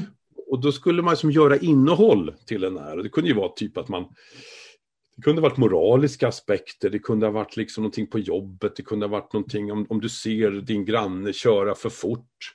Ska du säga till honom eller henne då eller ska du, och vad tycker du? Alltså det var sådana här massor med ställningstaganden de ville ha att man skulle liksom kunna ha i bilen som en slags, eh, ja, och, och, och kunna tillgodogöra sig det när man sitter i bilen, när man då slipper köra, utan mm. de kör sig av, av, sig själv de här bilarna. Mm. På olika sätt. Så det var lite intressant så att säga, att titta på den så att säga. Och det är lite intressant att de är, att de är så långt framme, att de bara tittar på det här att man måste fylla med någonting annat än mm. musik och, och kanske bara en bok. Utan det ska vara någonting som aktiverar hjärnan och mm. ställningstagande på olika sätt. Och det kunde ha varit någon rättegång, tror jag vi höll på med, peta i också, till mm. exempel, hur man skulle göra. Man kunde ju föreslå, om du får krisstöd, använd inte det till att höja chefernas löner och dela ut bonusar. Exakt, exakt. Bo moralen i ett företag skulle det heta då, eller hur? Tänk på de som arbetar längst ner, liksom, eller hur? Först, innan du börjar. Ja, men det, är faktiskt, det, det är faktiskt ingen dum idé faktiskt, att man börjar att, att tänka så istället det behövs nog. Det är så lätt att man tänker att jag har så mycket ansvar och, och så där och så ger man sig själv enorma bonusar. Liksom. Hack, hacka det där köra in. då, då, kommer nog en direktör köra in i ett träd när han får höra det. ja. Jo, men så, så pratar också om det här med kamera och mick, eller hur? Mm. Precis. Och, och, det är också lite intressant att, att, att uh, ja, ska man säga att alltså mikrofonen, det är, de kurserna är mer för att man ska öva trygghet, man ska kunna umgås med mikrofon och hitta de inre tankarna. Så kan man bygga ut det med scener också, alltså, och det är som hög precision och att man vill liksom, du vet, att eh, man, man, man, det går liksom snabbt att göra det och så lyssnar man tillsammans och sen kan man säga det där var bra, det där var dåligt. Och, och det är liksom därför det här med att jobba med ljuddrama eller med inspelning, att det är bland världens bästa övningsformer, alltså för, mm för folk. Det är så snabbt. Så att du kan direkt lyssna på det. Om du gör på scen, ja, då är det borta på något vis. Spelar man in det kan man tillsammans. Och är det flera som lyssnar så kan ju flera ha input och tycka sådär liksom. Så att, och, och, och där är ju också då kameran, alltså de påminner ju på något vis. Alltså kameran är ju liksom ett seende liksom och micken är ett hörande. Men de påminner ju mycket om varandra. Det här med liksom närbild, halvbild, helbild, liksom att vilket tilltal, om jag är närbild, ja då, då tänker man sig att man ligger typ i en, kanske en säng eller kudd, kuddsnack. Liksom. Är det mm. halvbild, ja, då sitter jag kanske vid ett kök och då har jag viss ton. Är det helbild, ja, då kanske jag talar till en, en, större massa. Liksom, så att säga. Och, då, och vem riktar man sig mot och sånt där. Det påminner väldigt mycket om varandra, mikrofon och kamera på ett sätt som, som är ganska intressant.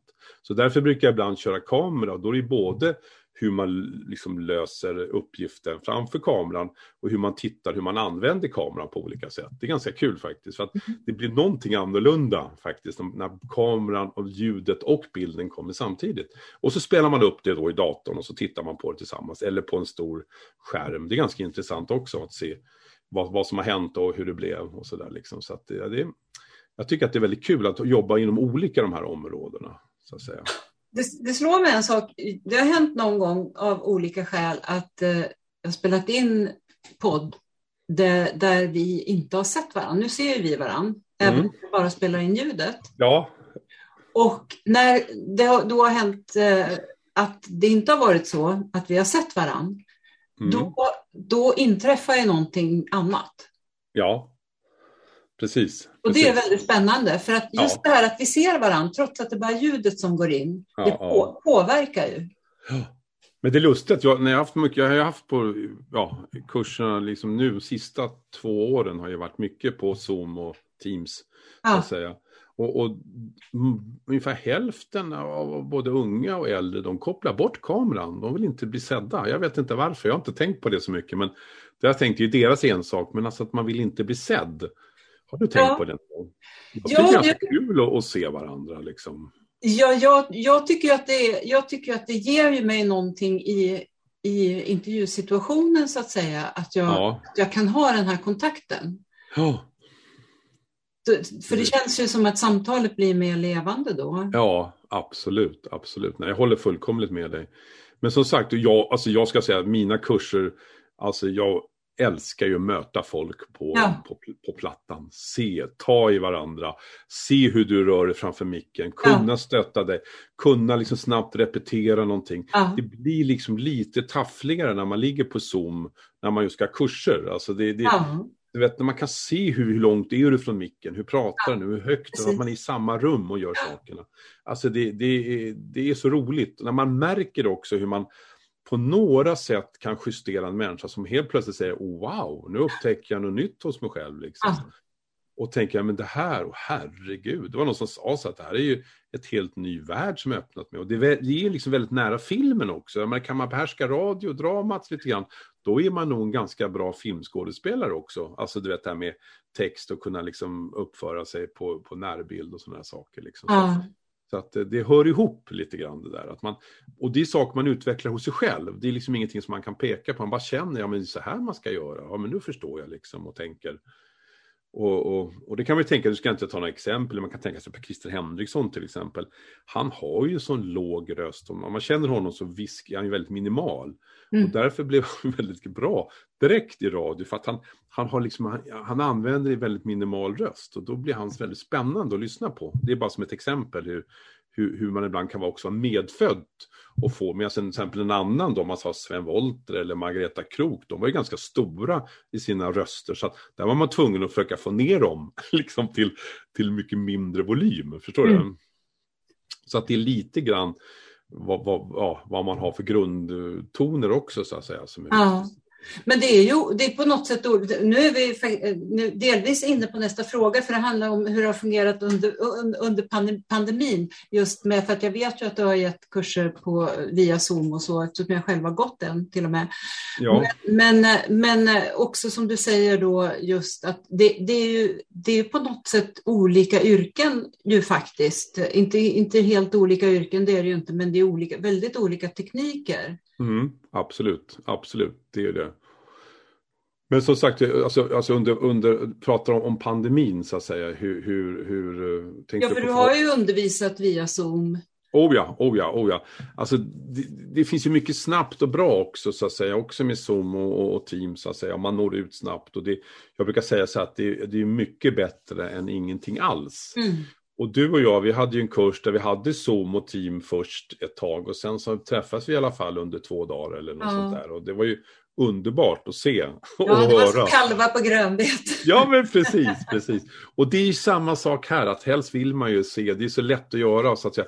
Och jag tycker att det är så roligt när man märker att man att när, när det liksom funkar för folk, alltså. Det gör ju till 99 procent att de får upptäcka sig själva. De får ett sätt att få tips hur man ska göra. De får liksom verktygen lite grann. Sen gäller det för dem att använda dem så att säga. Och där, det hör man ju direkt att de, att om de har de här verktygen så att säga. Och då, då är det så svårt när man sitter på, på Zoom och och Teams liksom att höra direkt vad gör du för fel eller, mm. eller att de kanske spelar in en text som, som ska läsa in och så ska man lyssna på den och då hör man inte direkt. Men däremot sitter vi i samma rum, då kan jag bryta dig direkt säga, men tänk lite mer, nu ligger du för högt, nu ligger du för lågt. Mm. Ja, men, nu, nu är du lite för nära, nu, ja, men tänk så här istället. Alltså, och ha inte för bråttom, tänk att du har sakerna framför dig i tankarna innan du börjar och sådana saker. Så att det, det, det är så lätt konkret, men när man kör, skickar in färdiga grejer och ligger på Teams och Zoom, då blir det inte samma sak. Liksom. Nej. Som när man ser varandra. Så på det sättet så tycker jag att man tappar ju lite av effekten på kursen. Så att säga. Men har det också varit så att det har varit färre uppdrag nu under, under pandemin? Oh ja, oh ja, jag hade ju, alltså jag jobbar ju, jag gick ut till folkhögskolan också, de här, du vet, um, vad heter de, uh, vad heter de, till och glömt bort. Men det var folkhögskolorna också i, i, i olika sådana här ja, teaterlinjer och sådana här saker. Och, och, och, de var jätteintresserade så att säga att komma. Och jag, så kan, jag har ju allt från en dag till en vecka eller tre veckor om man vill liksom hålla på. Men som sagt, alltså man kan ju bara komma och visa en gång och det var säkert fyra, fem då. Men sen kom ju den här coronan och slog till. Det var ju precis då egentligen, bara precis de här veckorna efter så slog det till och då stängde de ju ner mycket av hela utbildningsverksamheten så att säga. Och det var ju liksom, ja, det, då försvann ju hela arbetsmarknaden egentligen på skolsidan så att säga på det sättet. Ja. Så att eh, det är lite tråkigt. Men jag tänkte väl ta upp det nu igen så att säga. För nu är jag lite sugen på att träffa folk. Man märker det att man åker ut och det funkar så är det ganska kul ändå. Liksom, och, och vara ute och möta de här ja, unga människorna som har, och även äldre också då, men att som är liksom, ja, är sugna på att lära sig mycket saker. Och då kan man ju också som, som en del elever som jag faktiskt möter ibland och de kommer än idag ihåg liksom 20 år senare hur vi satt och lyssnade på vissa pjäser och vad vi diskuterade. För att lyssna på en pjäs ihop, det blir också en väldigt stark, alltså man ligger tillsammans i en sal och lyssnar på en halvtimmes pjäs och sen ska man analysera och diskutera den. Det är faktiskt ganska spännande faktiskt, att det blir väldigt starkt. Så att de minns det än idag då så pass lång tid efteråt och det är ganska kul tycker jag. Det, det kan jag absolut förstå. Ja. Du, du, du har ju också föreläsningar eh, om eh, till exempel radiodramats historia om radioteatern och public service idag och igår. Mm, mm. Eh, det där med public service det är ju väldigt intressant. Det diskuteras ju väldigt mycket. Precis, absolut. absolut. Vad, vad, vad, vad, tänker du om det, public service idag och igår? Ja, alltså det som jag sa när vi berättade då, eller när man uh, jobbade då på 70-talet, då hade vi ju med oss allting. Alltså hela Sverige var ju helt fokuserat på oss så att säga. Och innan då på 60-talet så att säga och även 50-talet, det kanske var före vår tid, men då var ju radion enormt stor alltså med allt från Hyland och radiodram, teatern och allting så Det var ju liksom otroligt stort så att säga. Vi hade ju hela vårt långa land i vår hamn så att säga. Och där tycker jag liksom att, och då betydde ju liksom också public service, det var ju allt eller inget på den tiden. Men då från 89 så utvecklades ju allting på ett helt annat sätt så att säga. Och det är ju liksom, då kom vi ju, släppte man ju vissa licenser fria, man, kabelkanalerna rullade in, TV3, TV4, TV5, alla startade ju med en del med baser i London som kunde sända in till oss. Och helt plötsligt så blev det ju inte liksom våran, våran eh, ja, egen ska jag säga, nationalkanal ledande utan då fick vi ju konkurrens eh, väldigt mycket så att säga och det här har ju fortsatt nu mer och mer så att säga. Och då tycker jag det är ännu viktigare idag när man har så otroligt mycket konstiga nyhetsbolag och allting att man har någon slags mittfåra som man kan lita på. Och därför tycker jag att public service är otroligt viktigt idag. Alltså, viktigare än någonsin. Att den finns som en riktlinje. Och, ju, och jag, du vet, jag kan ju vara så här eh, knepig ibland. Att jag, när jag känner att det är så mycket nyheter, jag vet inte, då brukar jag titta på text-tv. Mm. För att där vet jag att där det står, är det något viktigt så hamnar det där liksom, förstår du? Istället för att tro på allt, för det är mycket nu. För att ibland som jag blir lite allergisk emot, det är när både TV4 och även SVT ibland försöker sälja sina liksom Uppdrag granskning eller Kalla fakta vad det heter. Och då sa man det som en nyhet och man känner att det här är ingen nyhet som ska toppa allting. Det är bara för att de ska sälja sitt program. Och då blir jag liksom lite, så här, lite skeptisk. Jag vill liksom höra de, de viktigaste nyheterna idag, liksom, när jag lyssnar på det. Inte vill jag höra vad Kalla fakta eller vad, eller vad förstår du? Så att det, det, kan gärna komma längre ner, men man kanske inte ska toppa med en sån nyhet, förstår du? Så att då känner jag lite grann så här att det är väldigt viktigt att man är liksom ganska rak och, och, och, och noga med att, hur, hur, man då presenterar nyheterna idag. Att man försöker hitta sån liksom neutral och saklig grund att stå på, så att säga. Så att man inte hamnar i olika politiska situationer eller olika program som ska säljas och sådana saker. Så att jag känner att det där är ännu viktigare idag. Och då kanske man skulle ja, ändå tycker jag att SVT, jag vet jag tillhör den här gamla stammen, jag tittar ju fortfarande på SVT så varje kväll vilka, hur tablån ser ut. Och jag tror ändå det är familjen som gör det, för att alla andra tittar på SVT Play och SR Play och allting sånt där. Så att det är ju det har ju ändrats. Men jag, jag gammal vana så tittar jag på, jag brukar tänka så här, jag tänker så här, om det är någonting som de sänder, då måste det vara någonting som de verkligen vill att jag ska titta på. Alltså du vet, det kan vara vetenskapens värld, det kan vara debattprogram eller vad du vill liksom, eller dokument utifrån eller inifrån. Mm. Och då tycker jag att det är, sänder man det, då vill man visa det för mig och då blir jag liksom glad, ja, men då vill jag se det här, och om jag har tid då förstås. Liksom. Mm. Att, man, att, man, att man, man får det serverat helt enkelt. Mm. Men du går in och tittar på det vid andra tidpunkter också om du inte hinner se det klockan åtta eller? Ja, men ofta ska jag tala, vet du vad som händer med mig? Jag har säkert 10-15 stycken som, som ligger på hög som jag borde se på, men det kommer ju så mycket nytt. Ja, jag hinner inte ikapp så att säga. Det är jättetråkigt alltså. Så jag, jag, är nog en gammal, mina barn och barnbarn de skrattar åt mig och tycker liksom, men herregud, liksom, du kan ju se på det när du vill. Och jag kan se, såg ni det här programmet om ja, någon båtbyggare eller någonting igår och han eller hon byggde en fantastisk båt och då säger de, men pappa, ja men det gick på TV1 igår vid åtta. Ja, men snälla, liksom så här, säg vad det heter kan vi se på det efteråt liksom, förstår du? Så att ingen av mina barn tittar någonsin på, på sändande kanal. Det är ganska intressant.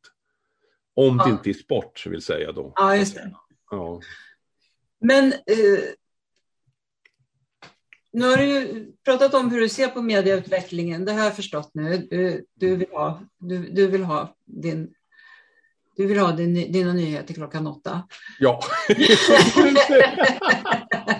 Precis. Det, Men om vi ska vara lite allvarliga, det finns ju ändå ett, ett, ett, faktiskt ett verkligt hot mot public service. Oh ja, oh ja, oh ja. Hur, hur, vad tänker du om det?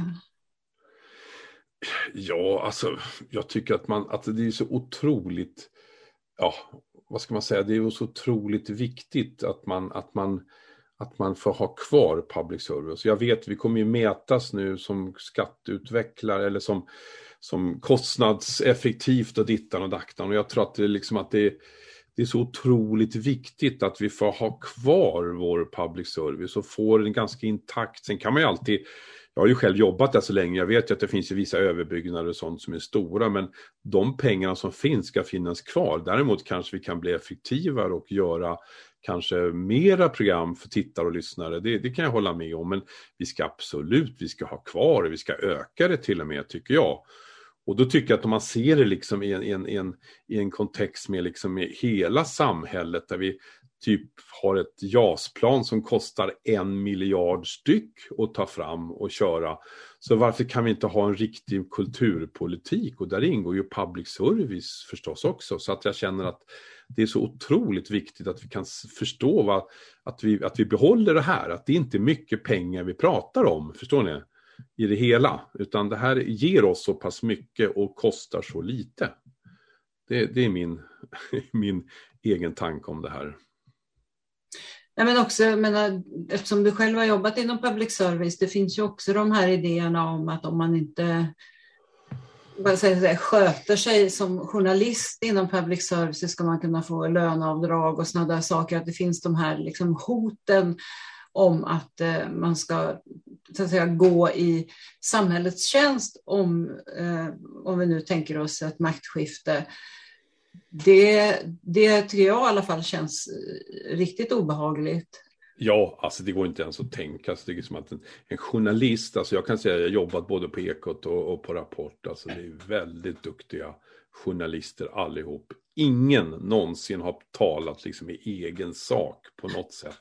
Utan man gör alltid en, däremot kan man ju vinkla en nyhet åt olika håll och det, det, det gör vi ju alla för att det, man måste ta något perspektiv. Det går inte bara, vissa saker går inte bara att läsa upp som fakta utan man får, man får vänta och, och, och då tar ju vi oftast det mänskliga och eh, ja, FNs eh, perspektiv att, att, att människorna har en rätt och man har, vad heter det, en, en, en ska känna en trygghet i livet så att säga. Och då, då blir det ju oftast det perspektivet. Och det mm. tycker jag är bra att vi gör. För att jag menar, skulle vi ta någon annat perspektiv, jag menar det är ju helt galet, utan man måste ta den här och det är ju det som vårt samhälle och public service är till för. Det är ju för oss människor som lever här, som oftast blir illa åtsatta av både myndigheter och allting ibland. Mm. Och då måste vi ta upp det och försvara dem och se hur katastrofalt dåligt det är för många. Men det kan man nu ska inte jag klaga vare sig på Arbetsförmedlingen och sjukkassan, men jag har haft lite kontakt med dem för att operera ett knä och jag säger att det var inte lätt att ha med dem att göra faktiskt. Och liksom få alla papper att fylla i och jag, så jag gav upp. Det gick ju inte liksom på det sättet. Så att, att det är ju lite grann så att om man jobbar och inte har egen firma, utan då, då, går det ju bra liksom om man är anställd. Men så fort du har egen firma, då blir det något helt annat. Och tänker på alla de här kulturmänniskorna, då musiker och sånt som haft det otroligt svårt. Alltså hur tusan har de klarat sig under den här tiden? Alltså med, med, alltså med firmer som måste ha gått på noll, nollnivå länge liksom. Och då, och få hjälp, det har inte alltid gått fram förstår jag till oss som liksom är kulturarbetare på det här sättet. Så det, det har jag undrat mycket, liksom hur, och många har väl slutat också tyvärr, men ja, det går inte att göra så mycket åt det där egentligen. Ja, det hoppas jag verkligen att det ska bli jo, men... någonting gjort nu med tanke på att allting har blivit så tydligt att det var illa redan före pandemin. Ja, precis. precis. Systemen och precis. massa underliga men, saker när det gäller ja. att söka bidrag och stipendier och oh ja, allt oh ja, som man förväntas oh leva på om man oh. arbetar inom det konstnärliga fältet.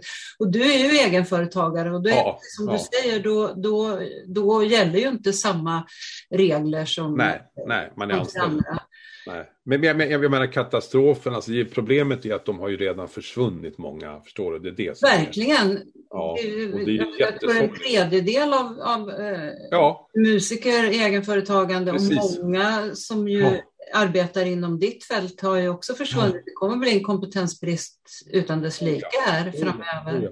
Och, och, och, och, det är det som är så sorgligt, alltså att få dem tillbaks. Det tror jag man det kommer att vara svårt alltså. det kommer att vara väldigt svårt. Ja, ja.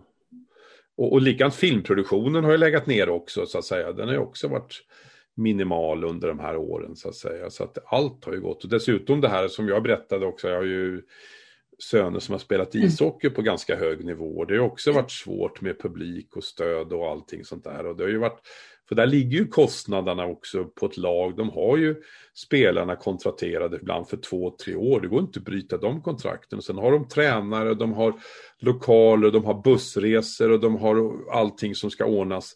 Alltså det kostar ju pengar så det har ju varit bara förluster rakt av på alltihop liksom. Och då har de fått bidrag men det har ju inte täckt alls de, de förlusterna de har gjort så att säga. Så att det är ju kris i hela den branschen fortfarande och många har slutat och, och där också så att säga olika anledningar. Att, det finns ju eh, stora likheter mellan idrottsvärlden och med hur frilansarna inom vår bransch precis, har det. Precis, precis, precis. Och det ligger ju faktiskt, det publicerade en podd i, i fredags eh, med eh, vdn för Trygghetsrådet TRS som ju organiserar både scenkonstbranschen och ideella och idéburna organisationer och däribland idrotten. Precis, precis. Och, precis. Eh, så att där hon vittnar ju om att det, läget är detsamma inom både idrotten och eh, ja, precis, precis, precis. för kulturbranschen. Oh. Eh, så att jag förstår att har, ni, har, ni har haft eh, samma problem inom familjen. Ja, då. Oh ja, det har varit mycket diskussioner här. Och sen också som, som en teater utan publik, det går ju liksom inte att göra riktigt på det sättet. Och även idrott utan publik är ju inte heller samma sak. Även fast tv sänder så är det alldeles tyst. Ja. liksom. Nej, men det, det, det, det, blir ju det blir som torrsim. Ja, ja, precis, exakt. Det är det det handlar om, så att säga. Så att, eh, så att det, har varit, det har varit väldigt tråkigt. Nu hoppas vi att vi kommer ur det här nu, så att säga. Ja. Så att vi får upp det hela, så att säga det är ett stort återuppbyggnadsarbete. Eller det, det, kallas ju, det, det, kallas ju återstart. Jag tror man, man behöver en total en, en, total nystart och med förhoppningsvis nya fräscha medel också. Ja. Eh, oh ja, oh ja, oh ja. Eh, och nytänk. Ja, oh ja, oh ja. Och sen stötta de här grupperna som jag brinner för. Alltså, jag, ja. så jag, jag har sett så, mycket, så stor kamp ner, ute på teatrarna. Alltså, verkligen, de kämpar så det inte klokt. Och duktiga och otroligt effektiva. Otroligt alltså. De, skulle, de är värda en bättre. Satsa lite på dem så kommer ni se hur Sverige exploderar av teater.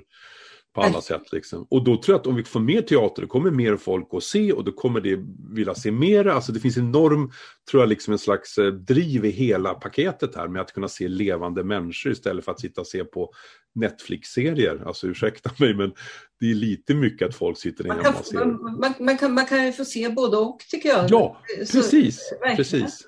Ja. Men du, du, apropå det så, du hade ju intressanta idéer utifrån också att du reste runt i landet och såg mycket ja, om hur den konst och kultur som produceras i hela landet borde kunna visas på olika sätt i nationell tv. Ja, oh ja. Nej, men, du vet, jag åkte ju runt på de här 24 teatrarna och eh, när jag, oftast på kvällarna eller även på luncher ibland så passade jag på att se på teatern för det var så kul. Man, har man aldrig varit på en teater så är det väldigt roligt tycker jag att se skådespelarna. Ofta så jobbar man med dem på dagarna så kunde man se föreställningen på kvällarna som de var med i. Eller på luncherna också. Och jag såg så otroligt mycket teater sån här, liksom ute i Sverige. Och den var så jäkla bra. Alltså det var ju, alltså det var lunchteater och det var kvällsföreställningar alltså som var så otroligt bra. Och då tänker man sig att allt det här liksom rinner bort Det är som en snö som smälter när föreställningen är över eller nedlagd eller att de inte spelar den längre.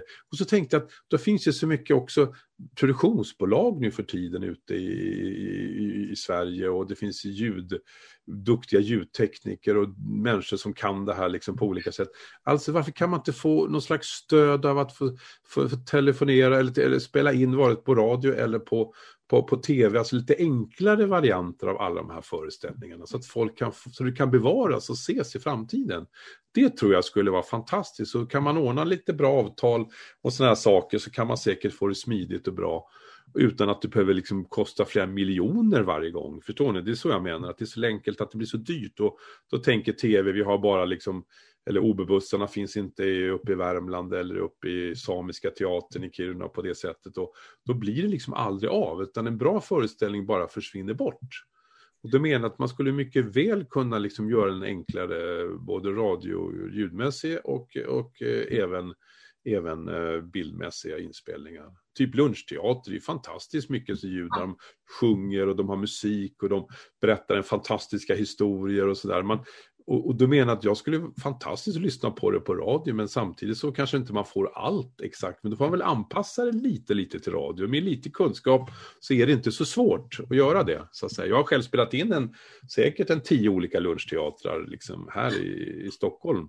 Och det har gått hur bra som helst så att säga och är väldigt roligt att, att, att lyssna på. Och vi har sänt dem som föreställningar sen också. Så att det har varit roligt faktiskt. Och det menar det ska ju göras ute i hela landet också. Det är inte, det är inte så svårt.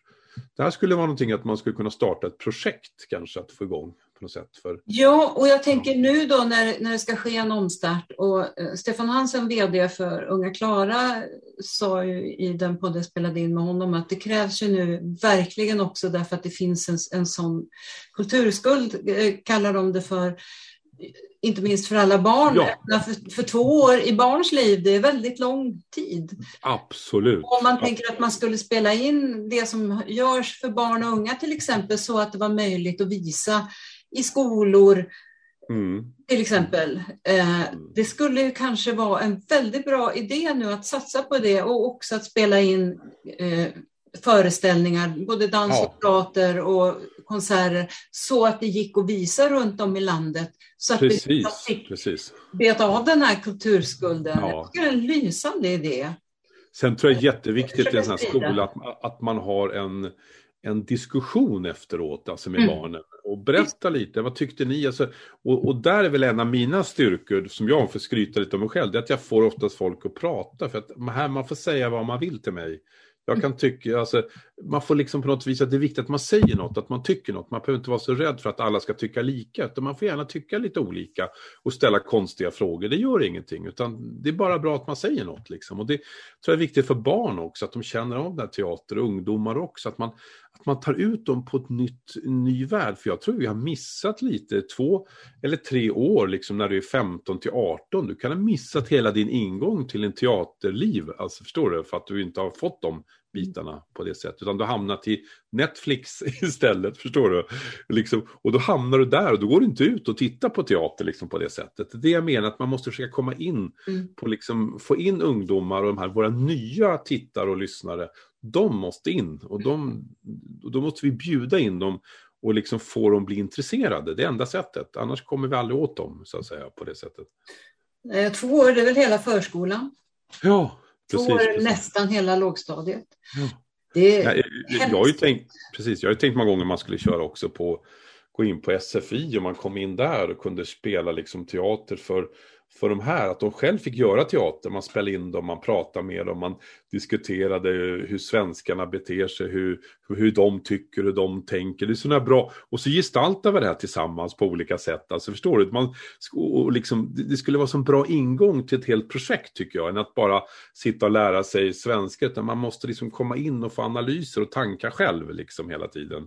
Och då är teater underbart, eller jobba med texter eller någonting sånt där. Alltså det vore jättespännande tycker jag. Ja, framförallt att få jobba tillsammans och inte, inte ja. sär, särskilja grupper tänkte jag. Nej, precis, precis, precis. Men just på SFI, jag har ju pratat med några där och det, det var faktiskt ett bolag som hörde av sig, men de var ju mera intresserade av att jag skulle berätta lite om samhället och det kanske mm. jag gör också. Men jag, mm. de var inte så inte, men det, det var ju som för, för sådana som hade utbildningar som kom från utlandet Just. som skulle sätta sig in i, i, i, i, i, i, de ville veta lite mer om samhället och då ville ja, man men jag vill ju spela teater med dem istället. Nej men så är liksom lite roligt så att man får skratta lite och ha ja. lite kul. Och, utan att det behöver vara så allvarligt på mm. det sättet. Liksom. Att jag tycker att Nej men det är roligt. Det är roligt. Alltså, och det finns mycket man kan göra och teatern är en viktig, jag tycker teatern är en fantastisk, väldigt viktig utbildningsplattform eh, ja. för, för, för framtiden, alltså för hela ja. samhället som vi har. Alltså. Absolut. Ja. Men du, eh, du var inne på det att dina söner spelar hockey. Mm, just det. Är det, det som är, är det idrott som är dina fritidsintressen också?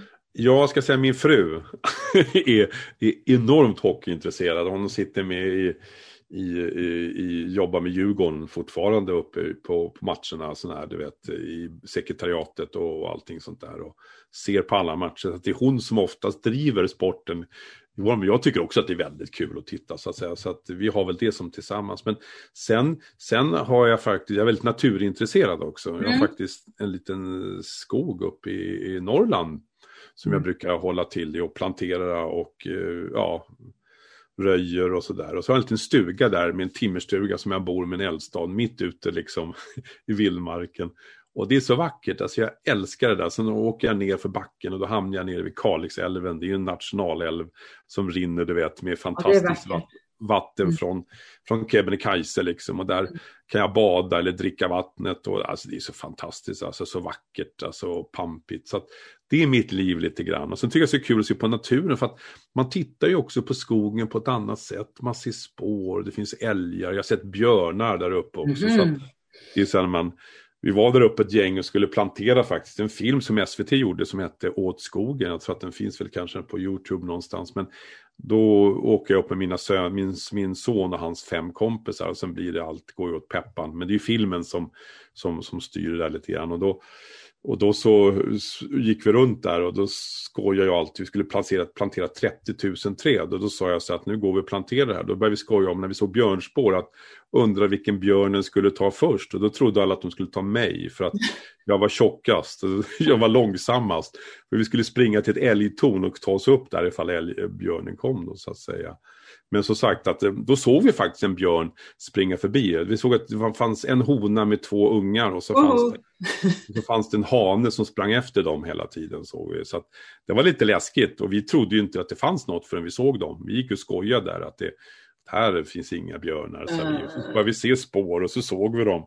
Så att det var lite spännande faktiskt att se det. Men du, du förstår att vara där uppe, man tänder en eld på kvällen, man mm. grillar en korv, man liksom tar en lätt öl och sådär. Liksom. Jag tycker att det det är väldigt mysigt. Mm. Och det finns en frihet. Sen, sen, har jag faktiskt en gammal segelbåt som jag älskar att segla ut med också på, i, Stockholms skärgård. Och segla runt, bara ligga och ta med mig några böcker och så lägga mig en, en vik. Och det kan jag gärna vara själv.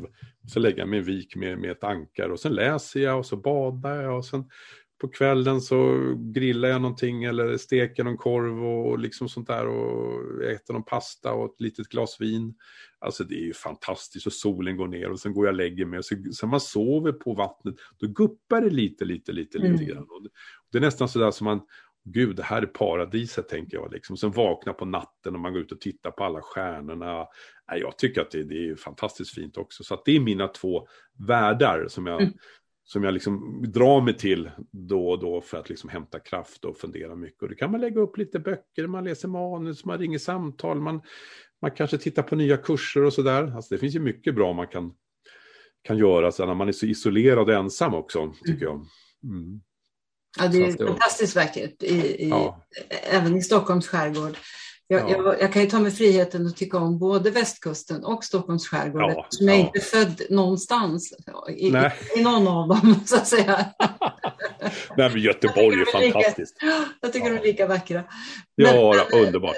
Men Stockholms skärgård har ju otroligt mycket grynnor och eh, annat som man måste kunna för att navigera ja. där. Det kan du alltså? Ja, oh ja, oh ja. Nej, men jag har ju, har ju sån här skepparexamen. Alltså, ja, ja. Mm. Så att jag kan det där. Men som sagt, det är alltid, det är, när man seglar och sånt, då ska man ju hålla ordning på båten och alla segel ja. och sådär. Liksom. Men som sagt, det är en väldigt billig båt, alltså, så att det är ingen lyx alls. Men det, för mig är det, är det paradiset. Ja. Det är ju så att man skapar ju själv sitt paradis lite grann, tycker jag. Visst. Med hur man värderar saker och ting. Men som sagt att det är underbart att vara ute på det sättet. Och sen har jag alla barn och barnbarn, det ska jag inte glömma också. Det är också sådana som, som man har på fritiden som är roligt. Jag kommer väl få ett nytt här faktiskt eh, snart, kanske den här veckan. Oh ja. ska, ska det komma. Och det är nummer nio som kommer då. I barnbarnskaran så att säga. Ja, härligt. Ja, så det är roligt. Faktiskt. Du, jag har en avslutande fråga till dig. Japp.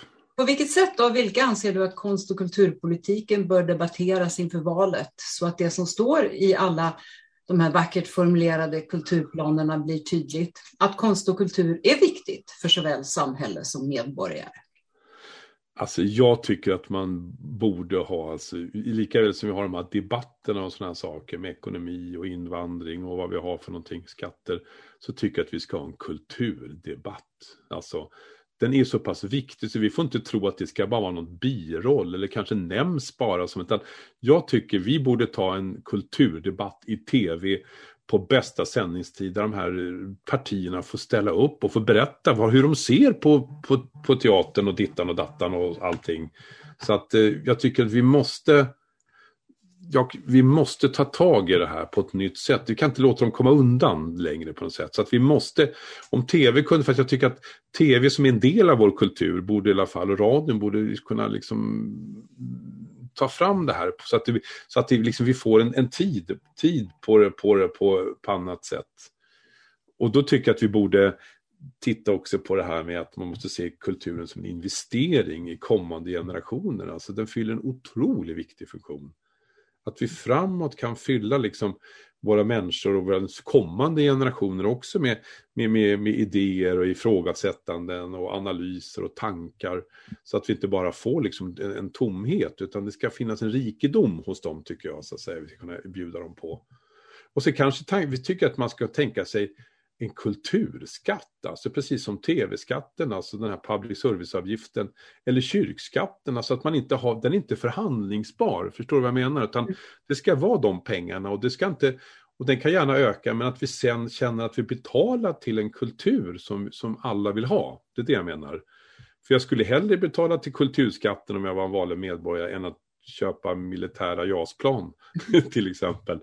Utan det menar någonstans att det skulle bli så tydligt att de här pengarna kan man inte ta bort. Lika väl som hoppas jag att tv-skatten blir helig så skulle kulturskatten kunna också bli hel. Att man får en annan struktur så att vi inte hamnar mitt bland sjukdom eller sjukhus och, och skola och allting utan vi ska vara liksom separerade. Det tror jag är otroligt viktigt. Sen kan vi ha åsikter vad vi ska ha för kultur och sådana där. Det är ju bara bra att vi får den debatten, absolut. Men alltså vi ska, vi ska kunna satsa på det i vårt samhälle tycker jag och inte komma undan med att, att kulturen inte nämns i vår debatt överhuvudtaget utan det måste uppåt i den här linjen. Och tycker jag vi ska ha en kultur och där borde till exempel också både SVT och SRs kulturavdelningar kanske ta ett ansvar och, och ordna debatter om just det här, alltså som intresserar dem så att säga. Vilka tycker du att det är som ska debattera? Då? Jag tycker att alla partierna får vara med och visa så att säga, vad de tycker. Det är också på något sätt att låsa fast dem vid sina löften, att om de lovar saker och ting ja, officiellt så, här, så kommer de inte undan sen om de hittar på andra tokerier. Det är det jag menar jag tror oerhört viktigt att vi får upp sam, eller, alltså, kulturdebatten i, på liksom en annan nivå och inte liksom ligga, att den ligger längst bak. Mm. Jag tror att jag såg debattprogrammen nu som har gått, jag tror någon gång så har det varit kulturen som har nämnts mycket flyktigt bara liksom. Det har inte ens kommit upp och jag tycker att det, det ligger för långt ner. Alltså det ska uppåt. I, Men jag tänkte, det är ju partiledarna de har eh, intervjuat nu och de, mm. det, det, är väl lite så att det är väl, ska det debatteras kultur då kommer det någon som ingen människa känner till. Nej, nej. Men då tycker jag kultur, alltså de här partiledarna ska ta, ta reda på vilken kultur deras parti ja. ska ha. Och sen försvara den och berätta ja. om den för oss. Ja. För annars tycker jag inte att de är lika väl, de är så duktiga på andra delar mm. om det hela. Varför kan de inte kunna det här också då? Är det så svårt? Och veta vad det kostar och vad de vill göra för speciella satsningar alltså i samhället på mm. kulturområdet. Det är det som jag är intresserad av. Så att säga. Men sen tror jag generellt sett så nu ska inte jag ta för mig, men jag tror ju liksom att, att, att eh, Socialdemokraterna och sånt, att de har, alltså de är nog det man ska, som är mest kanske ändå vill ha kulturen, så att säga, i ett centrum, så att säga. Och sen kanske finns Folkpartiet eller någonting där, liksom, så att säga, som är extremt intresserade av, av, av vår kultur. Så att, och resten känner jag liksom, jag tycker att det, jag vet inte, jag tycker att det, nu ska man inte prata politik, men jag tror att där någonstans kanske vi har vår, vår största chans i kulturlivet att få, att få, att få, få igenom vår, vår framtida kultur tror jag. Tack Jan, stort tack för att du ville medverka. Tack själv, det har varit jättekul att träffa dig och prata med dig. Det var så mycket vi har pratat om, jag har nästan... Ja. Oh. Väldigt roligt. Ja, väldigt kul faktiskt. Så tack själv. Och som sagt, jag tycker det är jättekul att, att, att, du, att du verkligen har startat den här kulturförsvaret. Och det är otroligt viktigt, tycker jag, det du gör. Det ska du verkligen känna att du, att du gör på alla sätt, så att säga. Tack så mycket. Och tack för att ni lyssnade. Och den som vill veta mer om kulturförsvaret och om kommande poddar kan gå in på kulturförsvaret.se. Poddarna hittar ni på sidan och där poddar finns. Om ni vill gå med i vår Facebookgrupp så är det bara att gå in och ansöka om medlemskap. Gruppen är öppen för alla som är intresserade av konst och kultur och som tycker att det är viktigt att konst och kultur och fri press och media diskuteras på samma villkor som andra politikområden inför valet. Tack och på återhörande!